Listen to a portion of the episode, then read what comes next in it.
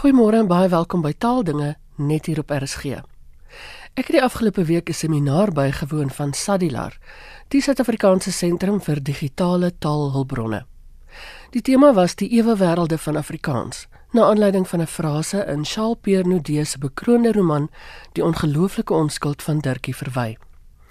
Nou een van die sprekers was Dr Quentin Williams, 'n senior dosent in taalkunde aan die Universiteit van die Wes-Kaap.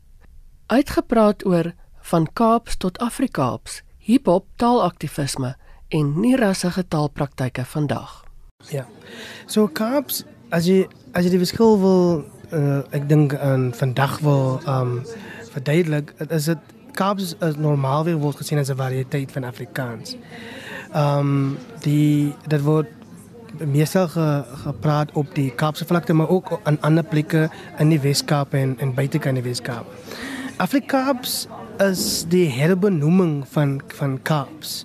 Die die jonger mense wat nou na 1980 gebore is, wat sien dat dat as hulle hul Kaaps praat, waar hulle in gesosialiseer is of geword, ehm um, dat dit vir hulle baie veer bring. Ehm um, en hulle en en hulle sien as hulle Kaaps praat as hulle Kaaps ondervind dat dit nie vir hulle aan baie plekke inbring nie en as Kaapsprekers word hulle gestereotyp op 'n daaglikse basis. So wat die hiphop artists gedoen het met die herbenaming van Kaaps is om die stereotypes te te te adres en ook die taalideologie wat you know baie van die uh, Kaapsprekers uh leed aandoen in 'n negatiewe manier.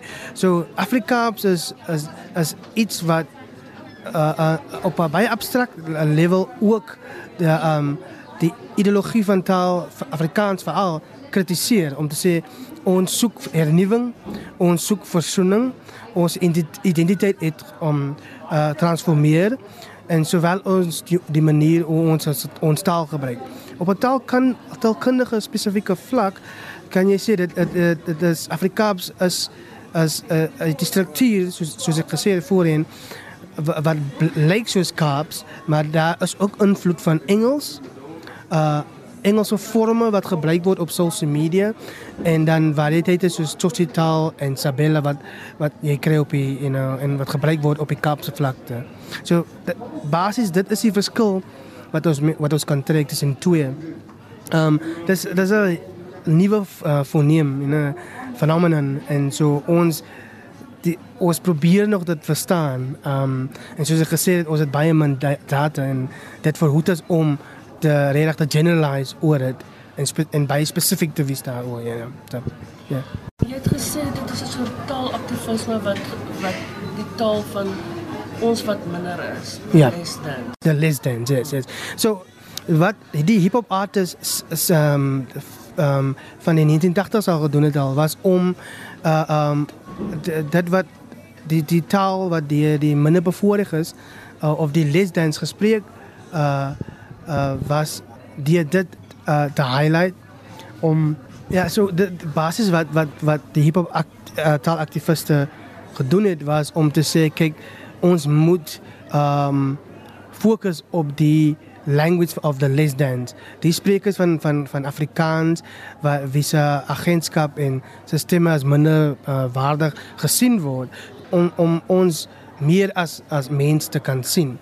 En so in die huidige uh, uh, instansie in, in ons demokrasie, die vraag is hoe uh, bou ons relasies um uh, die sprekers wat die verskillende taalvariëteit variasies van Afrikaans maar hoe kom ons almal saam?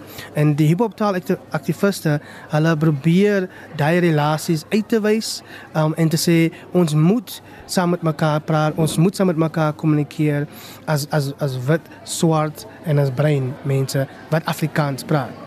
Um en die taalaktivisme uh, is is is 'n baie praktiese uh, manier vir die hiphop artists, hiphop heads, uh, die wat die langtermyn uh, members van die hiphop kultuur om uh, alle soorte agenda te te, te bevorder, you know. So dit is basies dit dit is wat dit is, ja.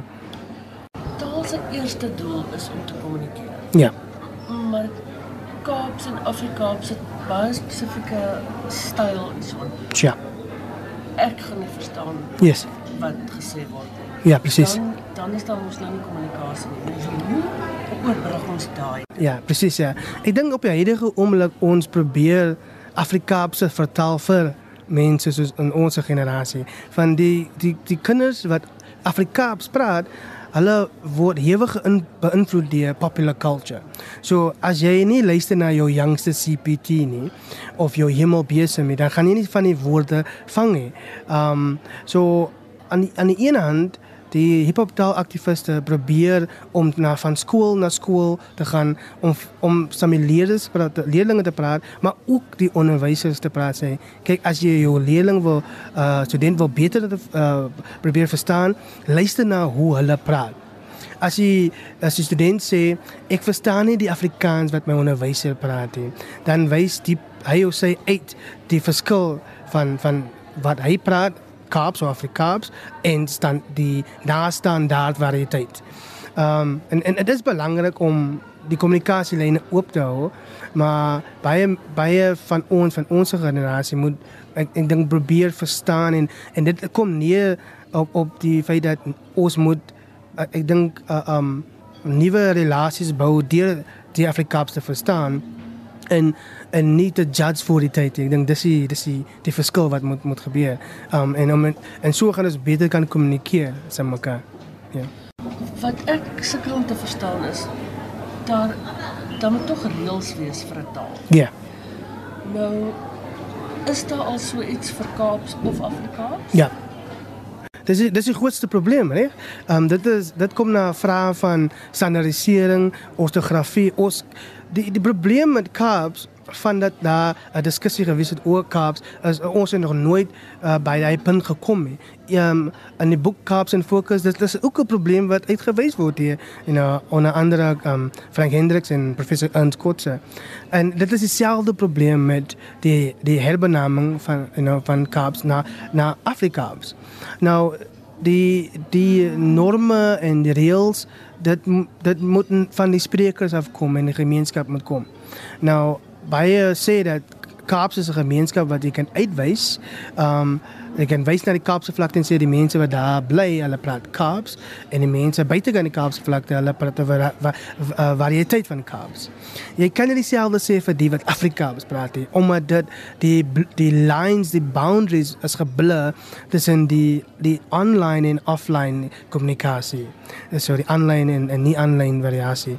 En dit is omdat dit nog so nuut is en ons moet keer meer jy soos ek gesê het meer geld, gee meer geld en en en, en taalkundige spesialiste om te help om dit te beskryf, sal ons beter kan verstaan. Ehm um, beter die norme kan verstaan en beter die uh, ehm uh, um, die, die riglyne vir hoe die ortografie moet uh, moet geaanvaar word. Soos ek gesê het op die huidige oomblik is is Afrikaans gedefinieer op die diskurs vlak.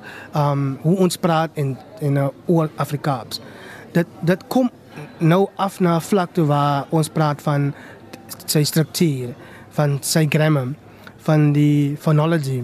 En dit is 'n baie, baie belangrike shift, maar dit is 'n shift wat net moet gebeur as 'n gemeenskap wat dit praat daarvoor vra.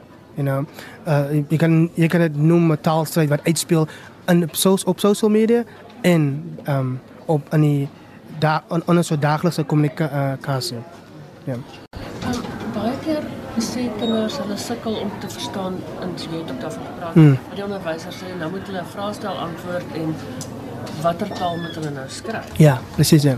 Nou hoe gaan 'n mens daai ding begin meet? Want hoe gaan die juffrou wat gewone tussen aanhalingstekens mm.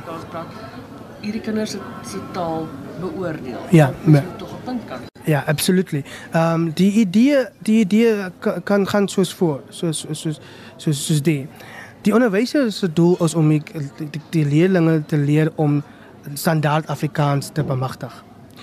Maar as daar probleme is met daai, moet ek dink die onderwyser uitwys die verskil tussen Kaaps en standaard Afrikaans, as so, ja, maar standaard Afrikaans, om sodat die leerders die die verskil kan uh, um uh, uh, aanneem en uh, van hulself neem kyk byvoorbeeld soos in 'n uh, gemeenskap soos Manenberg op die Cape Flats, baie van die leerders complain die, hulle verstaan nie wat die onderwysers vir hulle teach, maar omdat hulle Kaapsprekers is en van hulle Afrikaanssprekers is.